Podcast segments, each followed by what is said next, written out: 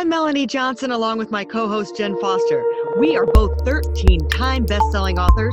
We've published over 2,500 books and made all of our authors number one bestsellers. We own Elite Online Publishing. If you want to become a best selling author, look us up at eliteonlinepublishing.com. Now, welcome to the podcast that shares secrets from top industry experts that show you how to get lasting success and results. This is the Elite Expert Insider Podcast. Hey, how you doing? This is Melanie Johnson here with another great podcast with my business partner Jen Foster. Hey Jen, how are you doing today? I'm great. How's everyone? Well, we're hoping you're all fantastic. We have another great podcast for you here today. We want to remind you to uh, subscribe to our podcast, leave a comment for it, share it with your friends. So just hit that subscribe button down below because we give awesome content every week. We make your life better, make your business better, make your family life better. We just try and hit everything on all, all cylinders over here. And today we're going to talk about money. So, how to make more money. We have a money expert, Henry Das, with us. He is a consultant, he is an advisor, he is like the king of financial intelligence. He has a book called FQ that's out. And we're going to talk about what's in his book, how to make your company and your life more profitable, as well as some other great little tips that he's going to give in there as well. So, welcome, um, Henry. Thanks so much for coming today. Thanks for having me. Well, tell us, Henry, how did you get into this and why did you write this book and how did you become this amazing coach that you are today? Okay, um, I'll start at the beginning, but not the real beginning, uh, but the but the uh, sort of the beginning of my entrepreneurial journey. So I started my first company in 1991, almost 30 years. Uh, had a series of different uh, businesses in the computer space, internet, finance, built spec houses. Um, and then about mm, a little less than 10 years ago, I decided to bundle all that talent together and all that experience and become a business coach. So, so that's sort of the start of this uh, this phase of my career. And then uh, a couple years ago, I was at a conference, and I got inspired by a group of other coaches to do uh, what I what I call my BHAG, you know, the Jim Collins big hairy audacious goal, and that was to create a course in financial intelligence, uh, and I did. And then I turned that into a book. Um, and I sell a 20 week course where I'll teach uh, all the tenets of the book to people one on one. That's kind of brought me to today. So let's start out with some of that financial intelligence. What are some of the first steps? So I have you had talked about your son earlier before we started the show, how uh-huh. he's out of college kicking off his own podcast. We're gonna give him a little shout out that his podcast is coming out, out for him. Another Das is joining the uh, the ranks here. Um, and I have a 20 year old son. He has his own business. He started while he's going to college, and he's got income coming in, and it's um, kind of overwhelming. It's like, well, mom, like, what do I do with all of this stuff? And of course, when you're 20 or you're like your son, you're like, money comes in, I should spend it. I should get a new car. I should get a Rolex. I should get all this yeah. stuff. You're like, whoa. So kind of starting from scratch, even if you're 20 or you're 40 or you're 50, you've got money coming in. How should we set ourselves up for success? Great question. Uh, it's never too early to start investing. You know, that's I could put that on a bumper sticker or a T-shirt. Uh, when I got out of college, I started working uh, for a big Fortune 500 company, and they had a 401k plan, and it's like, yeah, I'm I'm going to do that. Oh, you match money? I put six percent. You give me three. That's free money. So yeah, and you the the time is your greatest asset. So the earlier you start, uh, the earlier you can build that stuff up. But the, the caveat is you kind of got to know what you're what you're doing. So as I mentioned before the show, I, I run a passive investing uh, mastermind group. And the first thing I said to them is there really is no such thing as passive investment. Every investment that you do, you got to keep a crooked eye on. There are things that are more active than others. If you want to be a day trader, well, you better be in front of your screens, you know, throughout the day, or you're going to lose all your money. Mm-hmm. Um, if you're going to invest for retirement and have a 30, 40, 50 year time horizon, you're a little less concerned about entry points, um, but you still have to keep an eye on stuff because sometimes things go sideways. I've seen it happen all the time. So uh, it's great making money. I wish my son, my my son's uh, uh, walks around with my credit card. That's his source of income. Uh, so that's a whole that's a story for another day. Um, but soon enough, you know, he'll start to monetize things. Uh, it's great that they're entrepreneurial. I think entrepreneurials uh, are going to save the world. Yeah, me too. So tell us though, if you if you don't have a job that gives you the 401k and matches it, how would you start your own 401k if you were an entrepreneur? Would you, you know, hire someone to direct that, or do you do your own um, self-directed IRA, or what would you suggest for an entrepreneur that doesn't have that, you know, W two job? Yeah, I would say you could start with a SEP account. When I started my first business, uh, you know, I'd left I was working for the New York Stock Exchange and I had a bunch of money in a, in a 401k and it was doing very well. And so I left it there. They let me leave it there. But it's like, what do I do now? Do I set up a retirement plan for the company? We were a small company. Um, and so my partner and I set up a, a SEP plan. And we had vigorous debates about this because I wanted to put every possible dollar that I could put in, max it out. And he's mm-hmm. like, I don't want to do that. So it was a bone of contention there for a little bit, of, uh, a little while there, and we would come up with a compromise yeah. that would allow us to put that in. And then I self-directed it. Now I've been I've been trading the public markets. I bought my first stock when I was 17, which would be 1976. I bought Chrysler when mm-hmm. Lee Iacocca came in.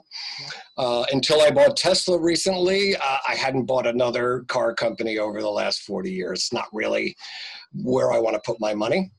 Um, although Tesla's more of a technology play than a car company. Yeah. Um, so I've been doing it myself, and I'm teaching people how to do it.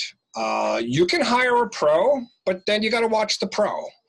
And let's face it, they're going to get paid whether you do well or you don't do well.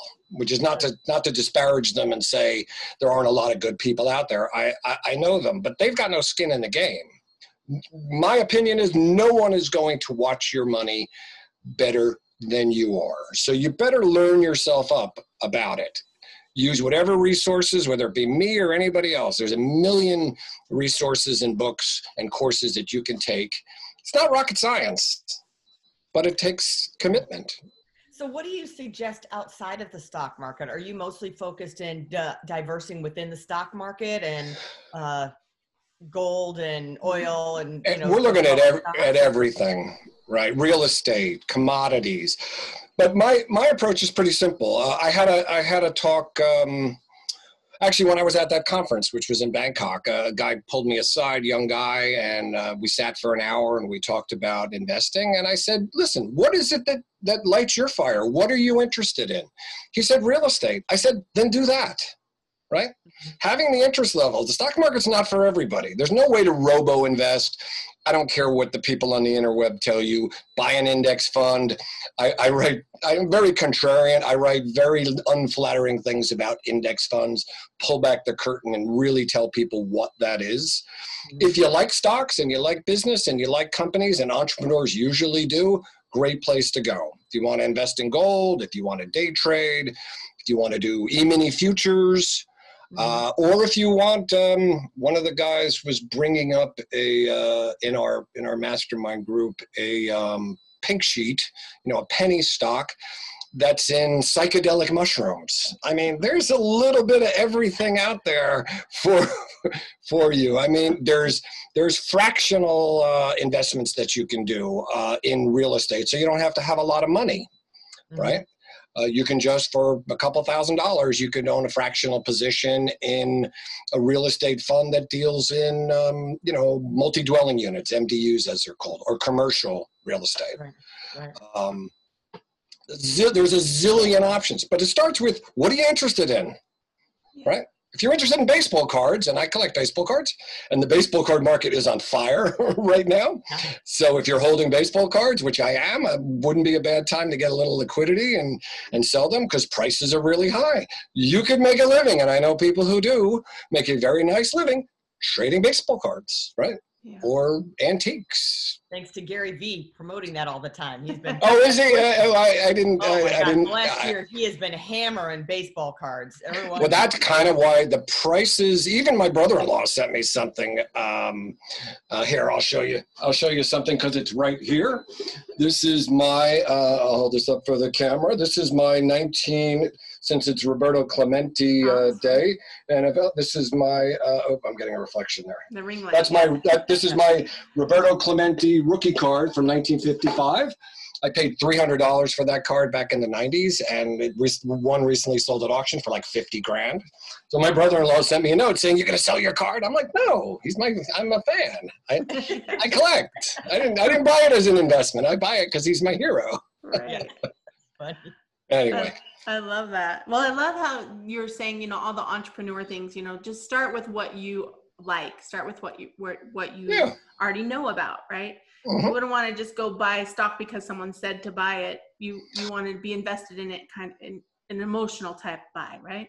Well, I, I believe that you sh- the emotion should be out, out of the picture, right? Okay. interest is different than emotion. In fact, I, I tell uh, I, one of the things I, wrote about in my book is if your uh, trading and investing is exciting, you're doing something wrong. Uh, it should be boring. You should be making boring, boring, boring money. It's not supposed to be exciting. It really, it really isn't. One advisor say, like, well, what are you buying that you like the product of? Like, I did buy a Tesla. I should have bought the. Sure. I bought the Tesla because I love the car. Right? And I tell Jen when we started our company, we were, you know, we do a lot of Amazon publishing. That's what we do. And we, Yeah. should, we could have started investing in Amazon because we believed in it and, and done that. If you know the company or you're using the company and you like the leadership of it, then that's the kind of thing to, to invest in. Um, Absolutely. Yeah. Invest with your eyes. Peter Lynch, the, the legendary uh, Fidelity fund manager from the Magellan Fund, and I wrote about him. He's been retired for 25 years, but he uh, he had the greatest run of any fund manager in the history of mankind. Uh, and he used to say, invest with your eyes. Go around and, and look at the world. The famous story is uh, him being with his wife shopping, and he saw these egg-shaped pantyhose and he's like, "What is this?" And his wife sort of scoffed at him. Oh, the, those are L'eggs, right? And he got that's how he got interested in the company. He's like, "Wow, that is really good marketing. Let me dig into this and see what this company is doing." And then he bought a huge position and made a lot of money. He saw stuff that he was attracted to, and I tell people, same thing. Look at where people are. Go by. I used to use Sears as a metric. Uh, if the parking lot was full, it meant the economy was good. Sears where America shops. Back in 2008, 2009, the only thing missing from Sears uh, parking lot were tumbleweeds. There was nobody there. That's worrisome. Oh man, you say that, and I think about IKEA. So I live down the street from an IKEA. Oh, you do? Of course, during the pandemic, parking lot was empty. I don't know if it's just pent up um, demand, but that parking lot, there is not a space in it, and it has the biggest parking lot ever. It's like almost like a football stadium parking lot, and I'm like, what the heck? Are they giving things away at IKEA? I mean, it's just amazing. So was just there in Salt Lake City. I drove my son out. I live in New mm-hmm. Jersey, and I drove him out for college a couple weeks ago. And mm-hmm. I had to buy him a desk and stuff. And we went to IKEA. There was this huge bullpen queued up of people. I looked at it. It's like, we're going to be here all day. Don't worry, Dad. It moves fast. And it did. It was about a half an hour. And the place is jammed with people. And almost everything that we wanted was sold out. I'm like, wow. Yeah, that's what I had to order mine, and I'm I go to that IKEA. I'm in Salt Lake City. as Oh, you're in Salt Lake City. Yeah. So you know the one I'm talking about. Yeah. Yep. That's that's awesome. So, um, so what do you think the, um, a lot of times it's a mindset too of fear of jumping into investing. Sure. How do you get over the fear of, of taking it because it's a risk. You're taking your money, you're not stuffing it under the mattress, you're giving it to someone else. Um, my brother always says like he doesn't play the stock market, he reinvests back into his companies versus Sure. so his investment is into his companies. So Right. what do you say to someone for for that fear factor? Well, the, the very first chapter of my book is called The Psychology of Money. Mhm. Uh, when I when I actually wrote it, I wrote it as a course, but then I wrote a table of contents, 18 chapter headings. I never deviated from it. Um, I didn't write an outline, and I started writing a chapter one and I finished a chapter 18. I did it all linearly.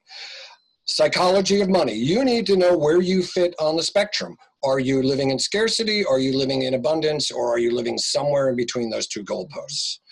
Because I can teach you to trade stocks, but if you're living in scarcity and if you know if a stock dips or if we get a waterfall decline like we got in uh, March, if that scares you and you're going to want to liquidate everything, you, you, you can't be in the game, right? It's just not going to work. You're going to need to find something that fits your brain, not the other way around.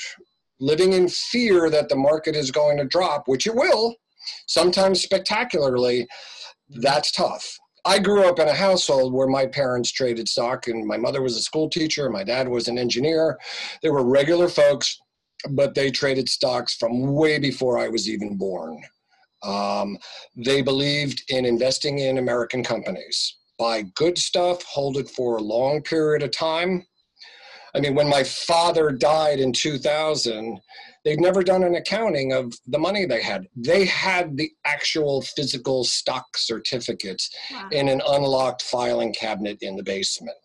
Wow. Hundreds of them from dividend reinvestment. I took the whole pile with my mom down to Schwab, and it took them hours to just type in all the CUSIP numbers to get it all into one place. Right? That's old school. Yeah. But they had a nice little little pile of money there, lived very modestly. That's a, a get rich slow scheme, which I'm all in favor of. Mm-hmm. Right? Especially if you're young. Time is your biggest asset. Yeah. Buy good stuff. Don't panic. right? right? There's a time to panic. This is not it. Yeah. I mean, I March really was have... March was a tester. I'll tell you that much. Yeah. Yes. I didn't so much have fear. I recently Apple split, so I bought some Apple. Right. And I'm thinking, okay, I should probably buy it because it just split. And you know, I've heard splits generally it goes up, and then all the technology stocks dipped. Yep. So it wasn't the fear. It's like you're just pissed off. You're like, I, you know. And I tell my kids, there's going to be a correction. It's coming in the fall, early fall. It's going to correct because everything's going up, but it's going to correct again. Wait, wait, wait, hold it. And I didn't listen to my own advice. So, you know, you're just beating yourself up. But well, you know, there, there's something to be said. I we had this conversation the other day in, in the mastermind group, and I said, look, if you're going to invest for the long haul, the entry point is not all that important. You can keep something on a watch list forever. I keep watch lists, right? But then you lose focus and you forget about it. And then you turn around one day and it's like, wait a second, this has gone up 50 points from when I put it on watch list. I knew I should have bought it. So sometimes it's better off just to go buy 10 shares right? Mm-hmm. Right? Go buy 10 shares of a stock. So now you'll focus on it. It's now real.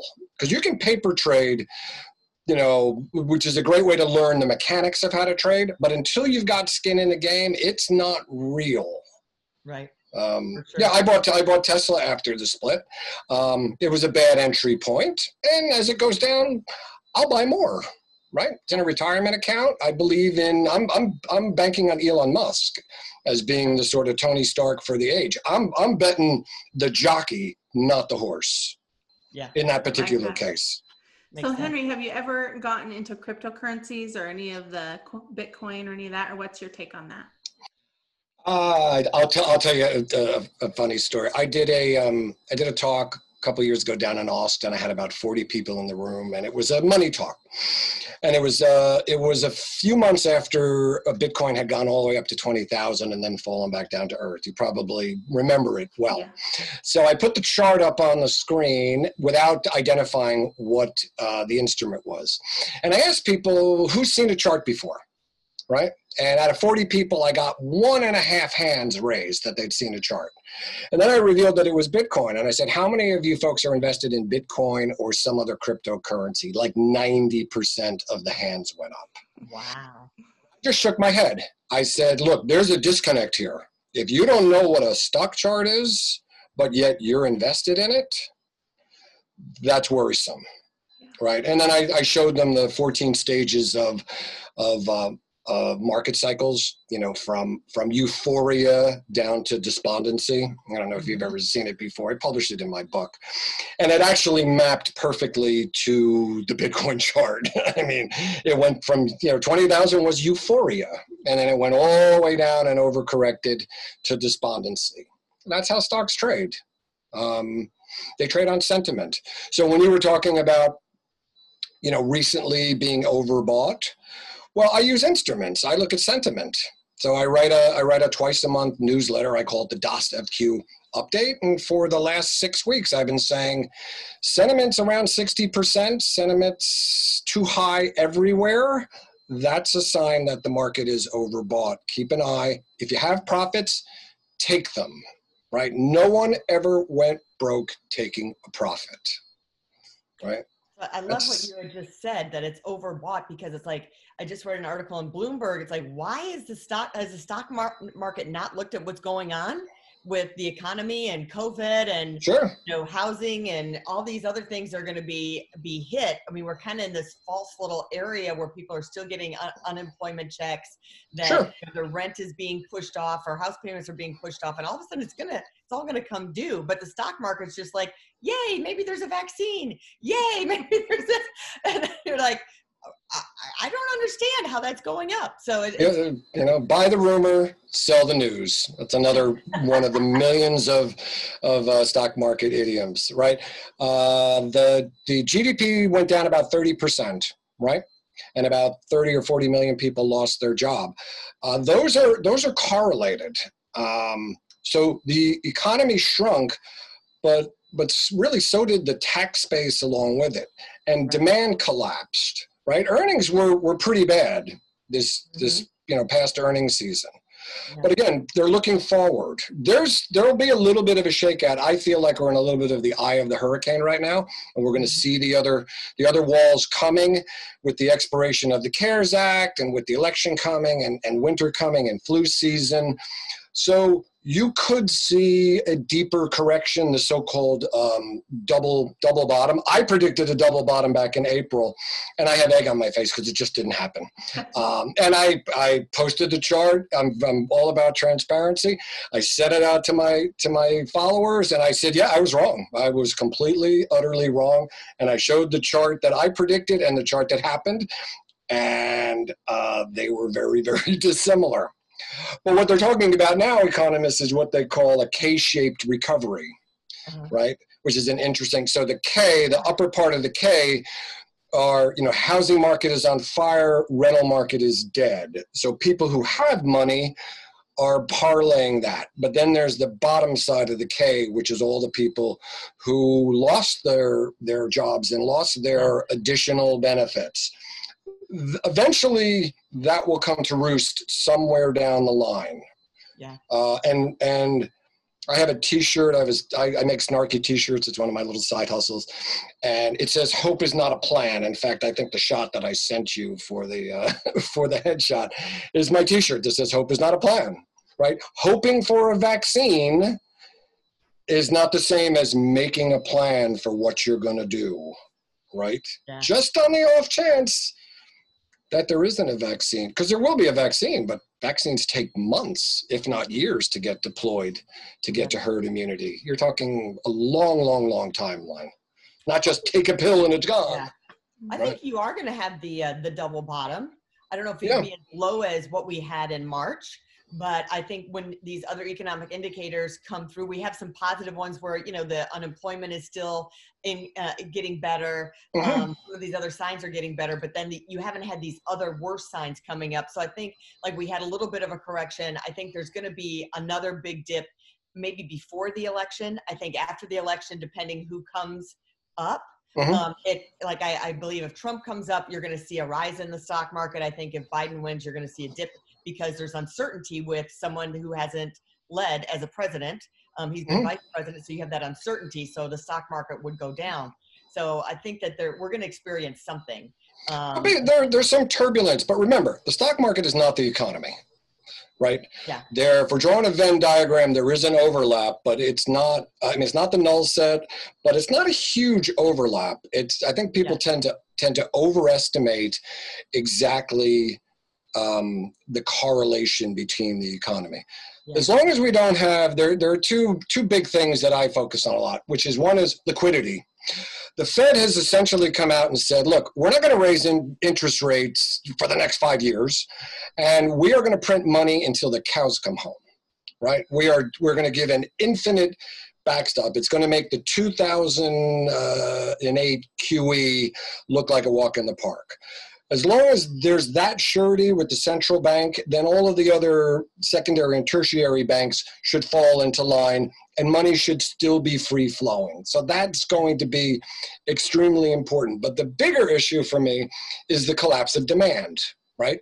Because that will take time to come back because people build new habits. I know from my own personal experience, my credit card bills, I won't say they're a fraction of what they were, but they're significantly less than they were.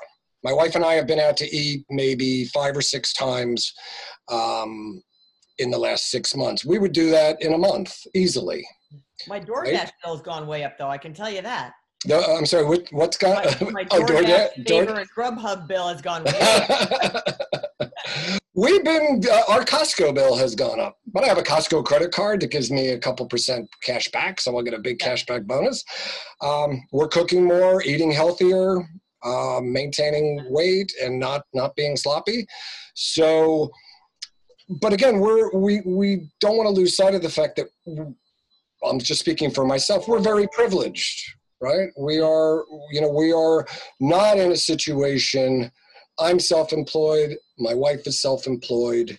Yes, our businesses have taken a hit because you know I charge a lot of money to be a business coach, and if your business is suffering, mm, I may not be the best guy you want to hire because I, you just can't afford me. Yeah. And I lost a couple clients, and I said, "Look, if you didn't fire me, I would have fired myself because I know your numbers." Right, that's why we're working together, um, and I'd rather you fire me than have to fire one of your employees don't worry about me. I'll be fine. I'll, I'll I'm, I've been planning, um, you know, financially since I was a teenager. So I'm covered. We haven't talked much about businesses. What are, um, what are one of the one or two core strategies you teach a company? Um, well, I'm writing a new book now. It has the unlikely title of Codfish, right? So, what does Codfish mean? Codfish means customer support, operations, development, finance, infrastructure, sales and marketing, human resources, what I call the seven silos of any business. And that's kind of what I'm building this business book around, the idea. And I use this pro forma in my in my business coaching. So most entrepreneurs will come to me and if I if I list those seven, they'll they'll pick two that are really in their wheelhouse and their core competency. And the other three will be somewhere in the middle, and then there'll be two that that are their Achilles heel. And so the goal is to try to get all of those various silos to one, not be siloed, but actually be working together, but also be working um, all at a high level. Uh, finance is a big bugaboo for a lot of entrepreneurs. I've met entrepreneurs who, who do what I call checkbook accounting. Well, if there's money in my checking account, it must mean that I'm making money. I mean, I've actually heard that come out of adult humans you know mouths. It's like you haven't heard of accounts receivable accounts payable. I mean these are these are basic concepts. Mm-hmm. uh, so that's a lot of folks fall down because finance is hard. I mean yeah. it just is. It really is. The other part sales and marketing. What do you do when business slows down? What do what do many companies do when business slows down? Oh they slash the marketing budget it's like, uh, wrong. Oh, let's see. Sales are really slow. So what I should do is slash the budget that actually drives more sales. Yeah. Yeah. How about we don't do that? Right. How about we go get a credit line and dip into it a little bit. And then this is where we get back to the psychology of money. If you're living in scarcity as an entrepreneur, that's tough, right? Because when the opportunity arises to actually spend some money to either take your business to the to the next level or get your business from falling down you're not prepared to do that. Yeah. Um, i encourage business owners day one get a credit line. If you have to personally guarantee it do it. Don't give away equity for someone to work with, for you for a discount. I've seen people do this all the time they'll say, well, if I give away equity in my business craters, uh, I don't have to pay them anything, where a loan I have to pay back. And I say, yeah, but what if your business does really, really well, right? What if your business kicks ass? Yeah. And what if the guy you gave away 15%, and I bring this up because I had a client who did this, gave away 15%, um, managed to, to get it back. That, that's a whole story for another day. Um, imagine your business blows up, right? It's, it, it's, it's, it's huge. And now you gave away a giant chunk of equity. Not only that, imagine that guy decides he doesn't want to work for you anymore. And what do you end up with? A phantom owner, right? I know people who've had that situation, right? and it's usually they left for for you know not great reasons so now you have a disgruntled phantom owner right you don't want that so that's so timely that you're you're telling me this my son has a situation where he's um, looking at a company that um, to do to do just that either like work for them bring his knowledge to the table mm-hmm. and take a percentage from them and have them pay for the services, but he also gets a percentage of the company.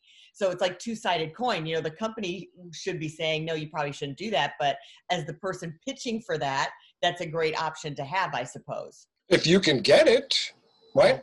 What I what I uh, suggest and what one of my clients did a couple years ago is um, we created what we call the phantom equity agreement. so what does that mean?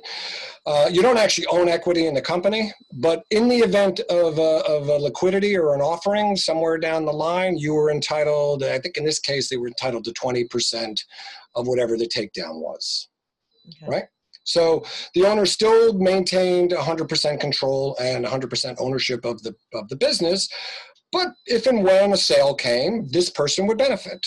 Right, kind of the best of both worlds, um, and it also gives you the option, even though this is predatory, and I and and I won't say that uh, I recommend this, but you can always do a bulk transfer later. If think about the falling out with the guy who has the the um, phantom agreement, you can always close up the company and and start anew. Again, not recommending that. Work it out, right? But as a business owner, having a put option uh, is important. Covering yourself, risk. This is this was really the, the I think the biggest takeaway from my uh, from my book is where I said people can can um, quote you chapter and verse on of the return on an investment. Tesla's up 500%. Well, it's probably a little bit less over the last several months. Oh, it's up 300%. Yeah, but at what risk? What's the mm-hmm. associated risk with this? What's the volatility? Because the volatility on a stock like Tesla is huge, mm-hmm. huge. Could have waterfall. They had a 20% drop the other day, right? Yeah. Largest drop in history. I remember when Facebook dropped 25% after Zuckerberg went uh, before Congress, right? Yeah. I bought. Facebook prints money. I don't like Facebook and I don't use it and I don't particularly care for the way they manage themselves. They're an apex predator, but I'm an investor and they print money. Yeah. And so I want to invest in somebody who prints money because I want some of that. it's my job as the investor. I want some of that money. Yeah, I love all the things you're saying. I'm just taking notes and so if my head goes down, I'm just taking notes. Yeah, no worry. I can't see it anyway. I'm looking at the camera. well, I would love to read your book. I'm going to get it now. I have. I heard that you have the book available for our listeners. I do. Yes. If you go to um, bookbaby.daasknowledge.com, that's my landing page, uh, and DAAS is spelled D-A-A-S. although I also have DASS knowledge, being belts and braces, because people misspell my name all the time. so if you go to that landing page, um, you'll put your email address in and you'll get a link and you can download it for a 100% discount. I can't do any better than that.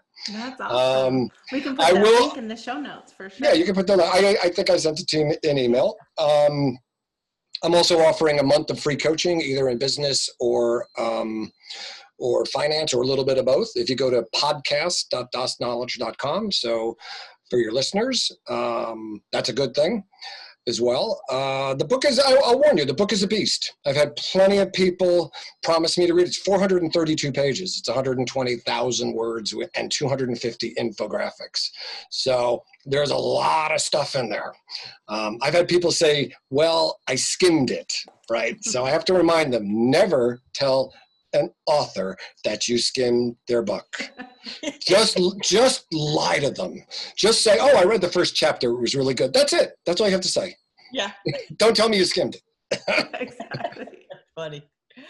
Well, thanks for being on today. We really, really appreciate it. Make sure uh, everyone goes in there to get the free book because you're not going to get that offer every day. And I love Mhm. the coaching thing. I may uh, tell my son he needs to sign up for that.